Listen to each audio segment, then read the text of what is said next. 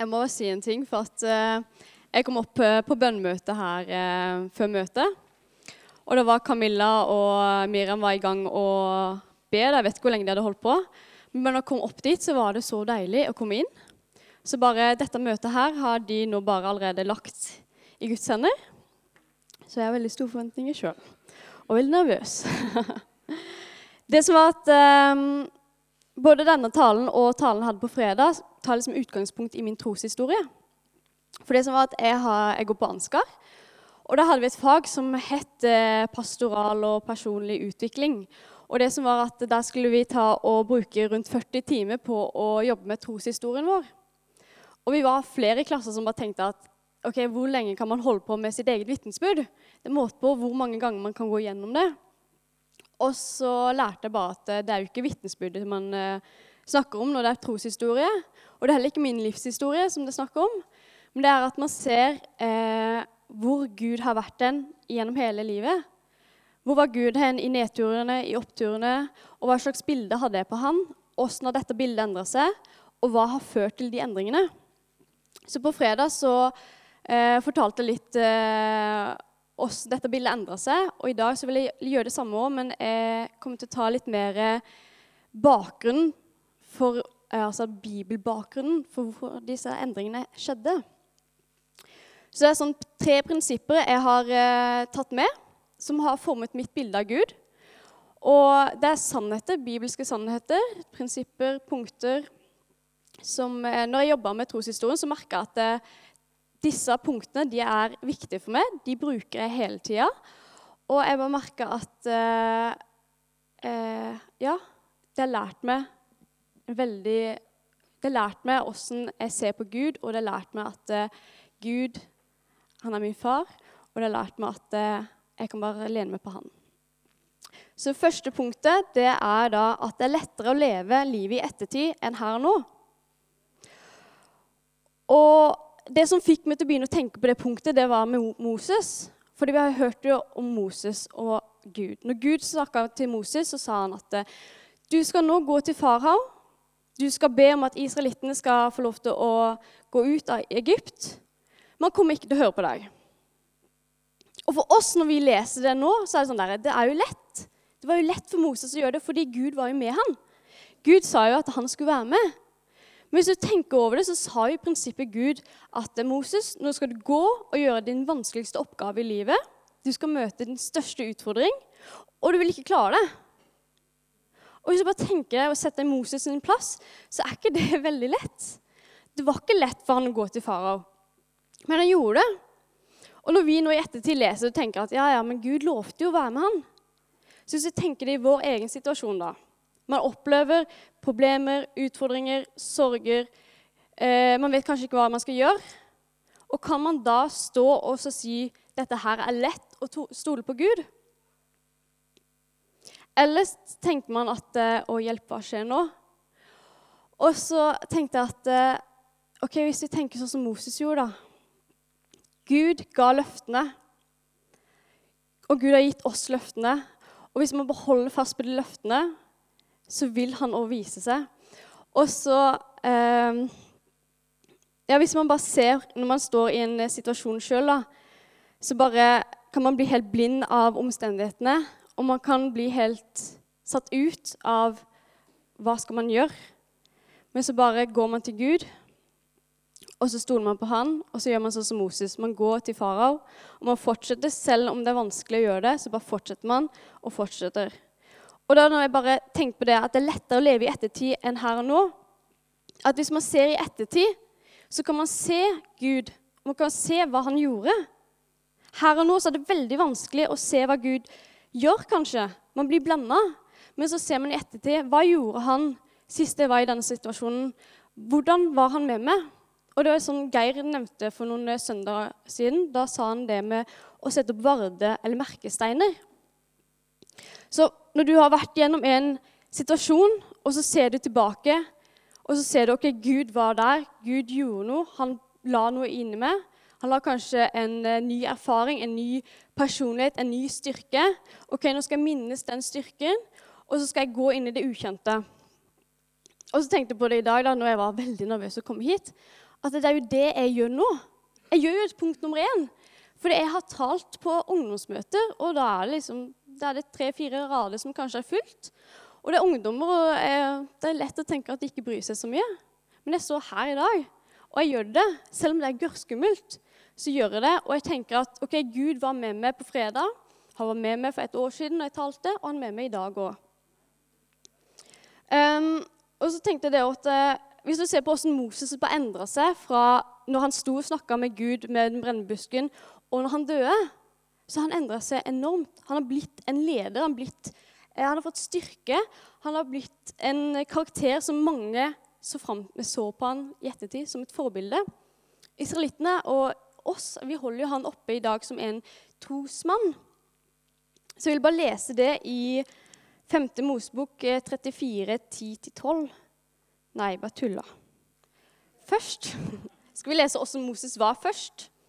Det er i 2. Mosebok 4.10. Da står det at Men Moses sa til Herren, Hør meg, Herre, jeg har aldri vært noen ordets mann, verken før eller nå eller etter at du begynte å tale til meg, tale til din tjener. Jeg er vanskelig for tale og uttrykke meg. Det er utgangspunktet Moses hadde. Og så er det 5. Mosebok 34, 10-12. Her bare snakker de om Moses når han var død. Aldri igjen sto det fram i Israel en profet som Moses, og som Herren ga seg til å kjenne for, ansikt til ansikt. Husk alle de tegnene og under Herren sendte han for å gjøre i Egypt, med farao og alle hans tjenere og hele hans land. Husk den sterke hånden og alle de store og skremmende gjerningene som Moses gjorde for øynene på hele Israel. Her ser du hvordan Gud bare har endra karakteren hans. Og Det begynte med at eh, Gud sendte ham på et umulig oppdrag.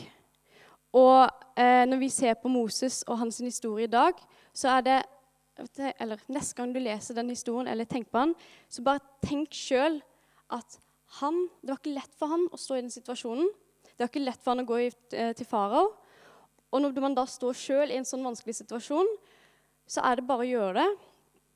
Og så sett, set, set opp sånne vardesteiner, for da ser du hva Gud har gjort eh, tidligere i livet ditt.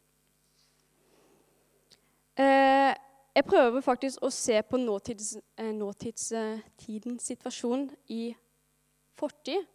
Ok, Om ett år. Og så kommer min situasjon i dag til å se ut. Hvor er Gud hen? For Gud er i min situasjon nå. Jeg må bare se han. Så det har hjulpet meg mye. Punkt nummer to det var eh, Salme 23, faktisk. Eh, det som var at når jeg skrev troshistorien min, så var vi jo fortsatt på sykehuset. Vi hadde vært der en måned eh, etter at jeg hadde født.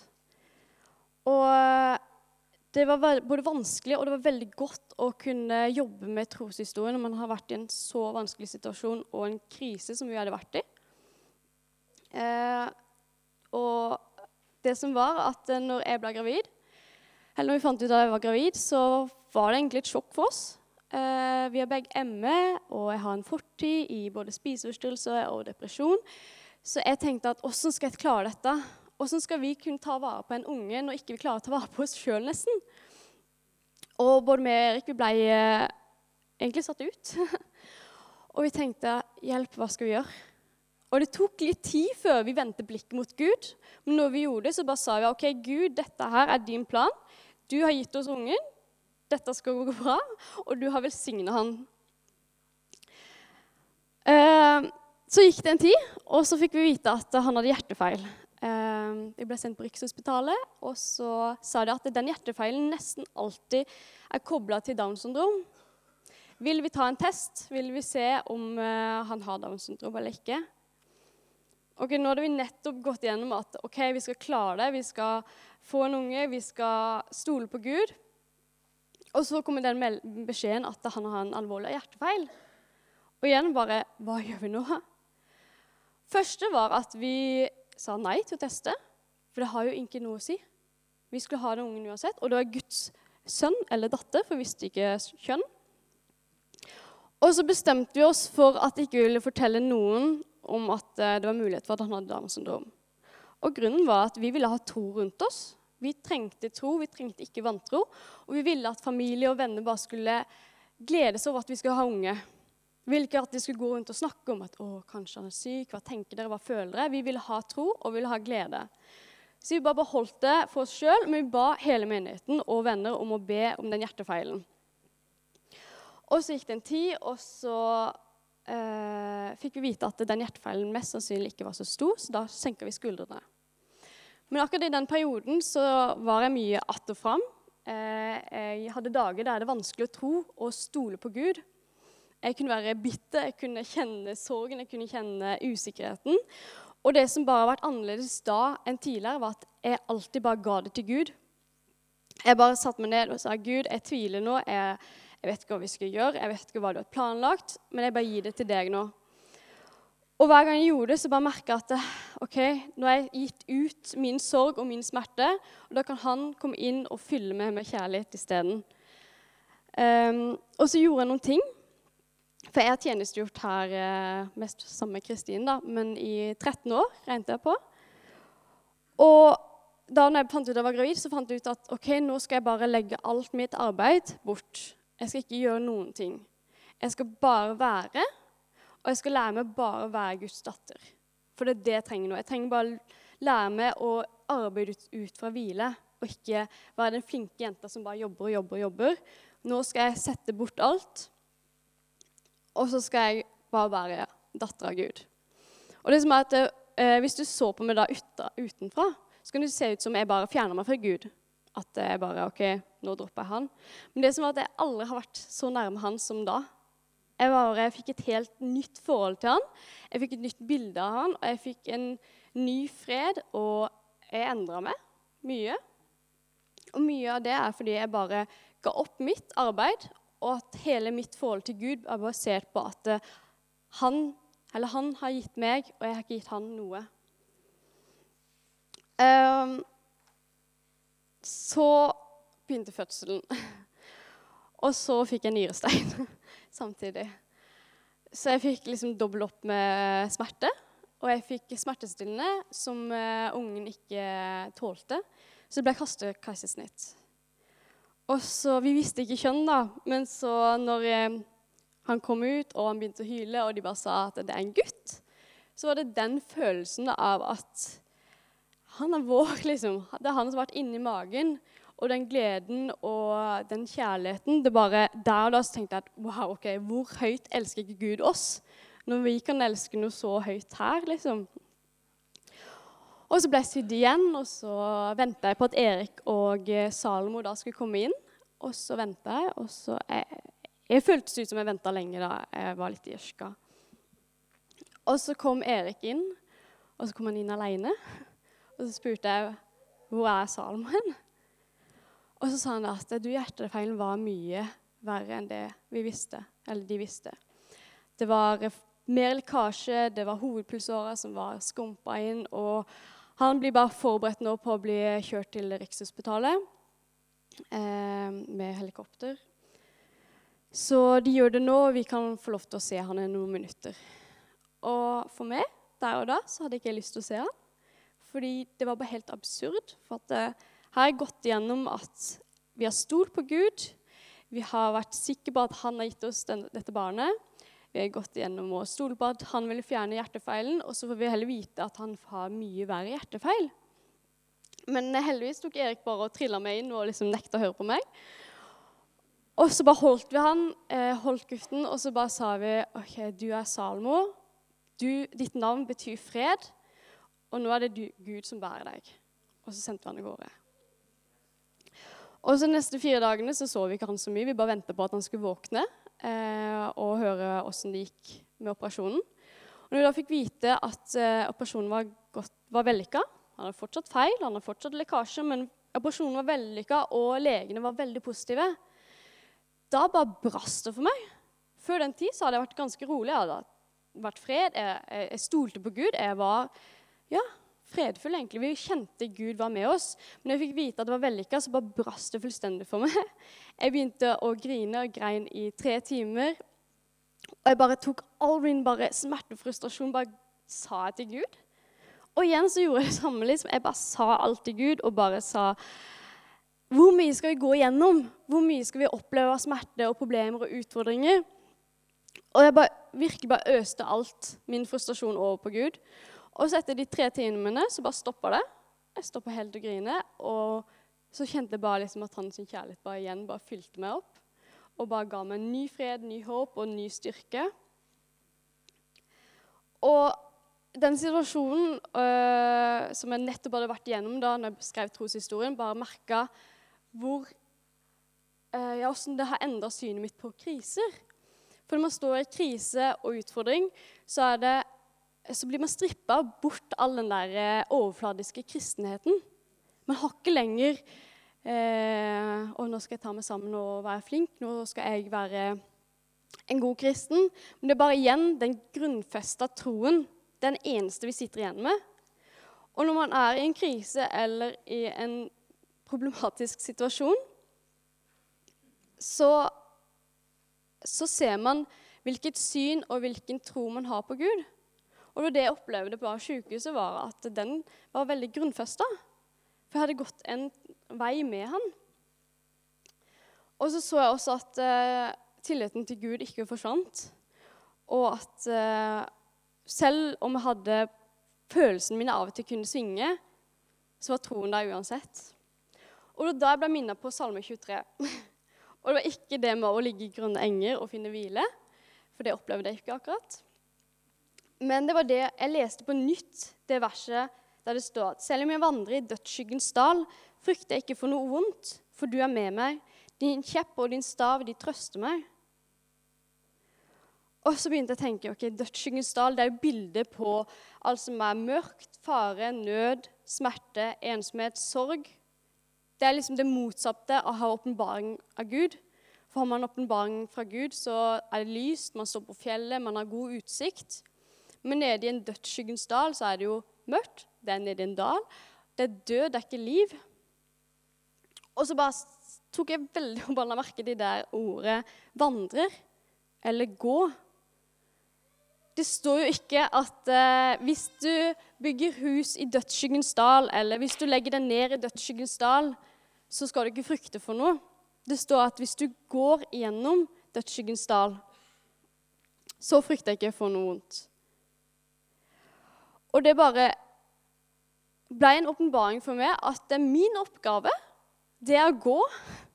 Det er min eneste oppgave. Det er jo det det står. At eh, om, jeg skulle, om jeg enn skulle vandre i dødsskyggens dal, frykter jeg ikke for noe vondt. For du er med meg, din kjepp og din stav, de trøster meg. Så det Gud gjør, det er å trøste meg, og han gjør at det ikke er noe å frykte. Mens min oppgave det er å gå gjennom dødsskyggens dal. Og jeg tror dette, er, dette er et bilde på at du blir sterkere, og at du vokser når du går gjennom problemer, utfordringer, sorg. Så vokser man. Og hvis du går eh, verset etter det Du dekker bord for, mine, for meg like foran mine fiender. Du vet at du kan ikke skje det, eller det kan ikke skje hvis ikke du står ansikt til ansikt foran fienden. Hvis ikke du står og møter fienden, som er utfordringen, så kan du ikke få dekka bordet. Så det var noe bare, når jeg var på sykehuset, så bare gikk det om igjen og om igjen og om igjen. Eh, punkt nummer tre, eh, som også ble viktig når jeg jobba med troshistorien min, det var eh, en eh, historie, en bibelsk historie som Svein Egil talte ut fra for mange år siden. Du vet når bare en tale bare setter seg, og så er den med deg resten av livet, egentlig. Det er andre kongebok 7, 3-5. Bakgrunnen for dette er at armeene har beleira Samaria. Og derfor er det hungersnød inne i byen. Det er settinga. Så leser vi da. Nå satt, de, satt det ved byporten fire menn som led av en hudsykdom. De sa til hverandre, 'Hvorfor skal vi bli sittende her til vi dør?' 'Sier vi at vi skal gå inn i byen, kommer vi, kommer vi til å dø, for der er det hungersnød.'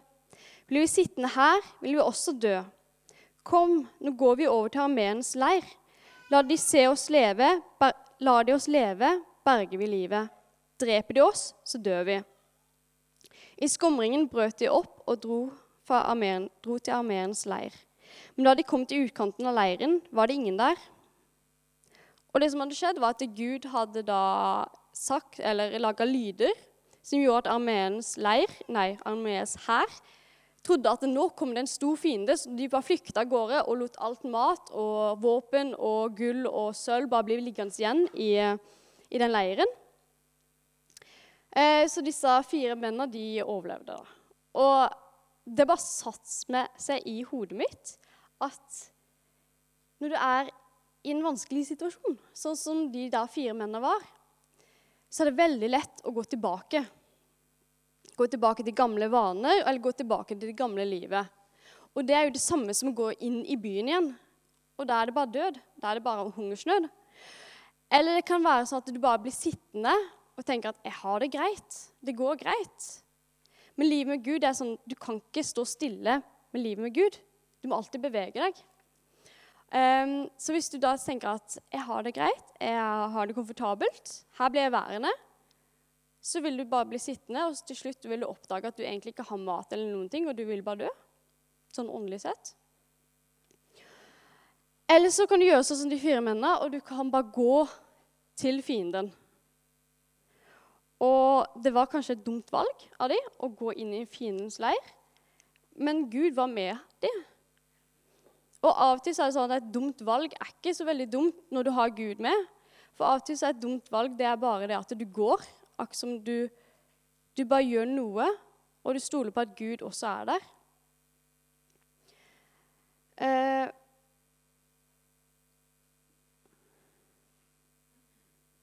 ja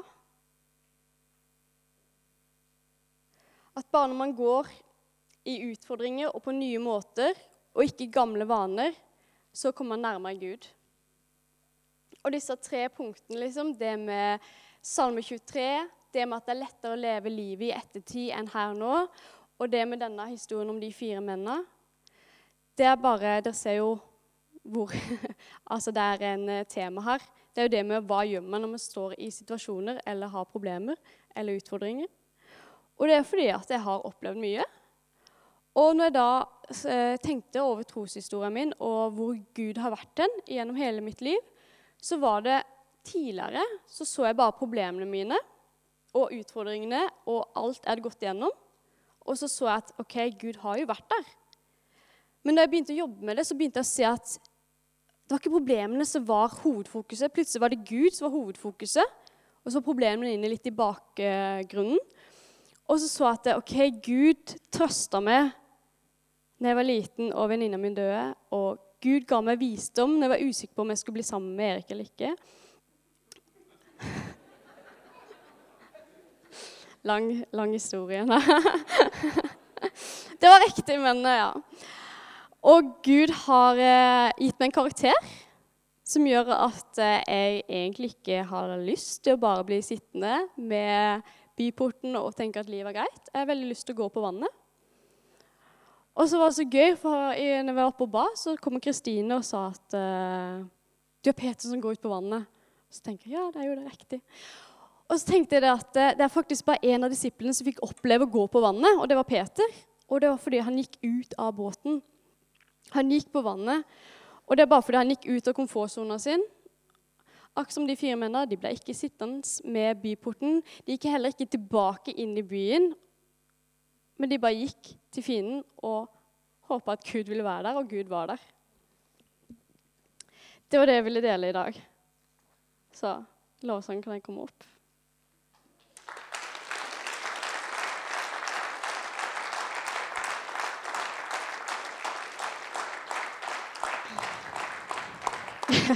Jeg vil gjerne gjøre sånn som vi gjorde på ungdomsmøtet. Um, hvis Lene bare begynner å spille litt, og så kan man lukke øynene. Og så håper jeg Gud bare nå har treffet noen her inne med noe. Kanskje noen nøkler som dere kan bruke til å gå gjennom livet ditt. Um, så hvis du bare lukker øynene, så vil jeg bare be. Takk, Gud, at du bruker det er sagt. At du har lagt det på hjertet mitt, og at de her inne som bare merker at det, det treffer de. At de kan ta det til seg. At du åpner nye dører og gir dem mot og styrke til å gå. Og bare fortsette å gå og stole på at du har en vei. Bare ber om at alle her bare skal slutte å se på problemet og utfordringen, og heller rette blikket mot deg. Og heller se opp og se på deg. Og vite at selv om det er vanskelig, så vil du bygge en sterkere karakter, akkurat som du gjorde med Moses. Og ber om at eh, selv om noen går i en dødsskyggens dal, så vil de også bare kan få oppleve at det er de sin oppgave det er å gå, og så skal du gjøre resten.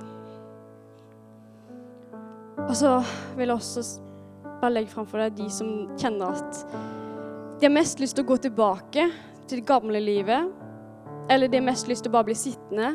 De vil ikke ta tak. De vil ikke, de vil ikke møte fienden, men at de nå bare skal få mot til å reise seg og møte utfordringen og møte fienden og se at du er der.